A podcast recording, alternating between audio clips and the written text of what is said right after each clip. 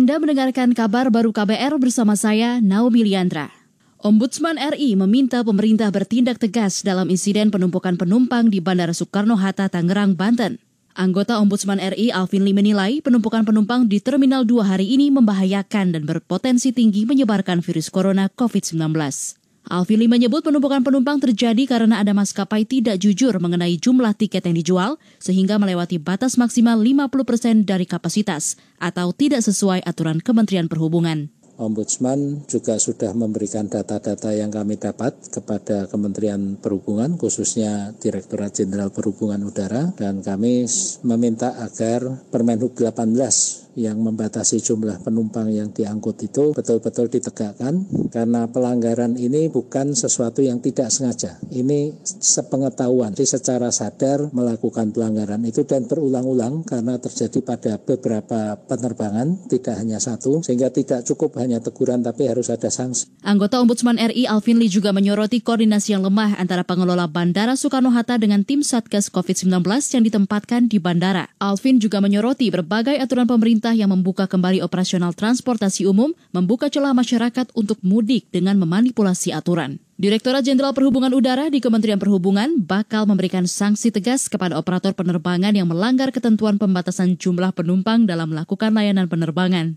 Dirjen Perhubungan Udara Novirianto mengaku telah menerima laporan ada maskapai yang tidak menerapkan peraturan Menteri Perhubungan tentang pengendalian transportasi dalam rangka pencegahan penyebaran COVID-19. Novirianto mengatakan telah meminta inspektur penerbangan menyelidiki insiden pelanggaran itu. Ia juga meminta operator penerbangan menaati aturan dan tak melakukan kesalahan yang justru beresiko bagi penumpang. Menteri Perhubungan Budi Karya Sumadi sebelumnya mengeluarkan aturan tentang pengendalian transportasi dalam rangka pencegahan COVID-19.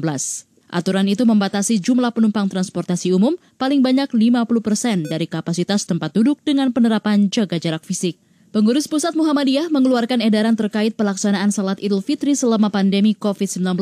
Surat edaran itu menyebut apabila pada satu syawal nanti pemerintah belum menyatakan Indonesia bebas dari pandemi COVID-19, maka sholat di lapangan sebaiknya ditiadakan atau tidak dilaksanakan. Wakil Ketua PP Muhammadiyah Corona Rintawan mengatakan akan segera menyosialisasikan edaran itu ke masyarakat dan juga daerah. Kemarin juga sudah dibahas dan dirapatkan di pimpinan pusat. Nantinya kami akan berusaha dan melakukan edaran. Jadi kita mengeluarkan edaran terkait kajian tersebut dan kemudian itu akan kami masifkan ke pengurus di wilayah dan daerah supaya untuk bisa dilaksanakan. Tapi tentunya memang kami menyadari bahwa ini tidak berupa instruktif ya. Jadi tetap persuasif tetap kami lakukan, tetapi dengan adanya surat edaran itu diharapkan itu merupakan instruksi resmi dari pimpinan pusat yang memang harus dilaksanakan di eh, level pimpinan di bawah.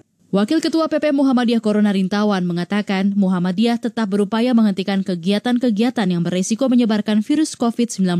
Surat edaran dari PP Muhammadiyah ditanda tangani Ketua Umum PP Muhammadiyah Haidar Nasir. Surat edaran itu menyatakan peniadaan sholat Idul Fitri di lapangan atau masjid dimaksudkan untuk memutus mata rantai persebaran virus corona di Indonesia. Demikian kabar baru KBR, saya Naomi Liandra.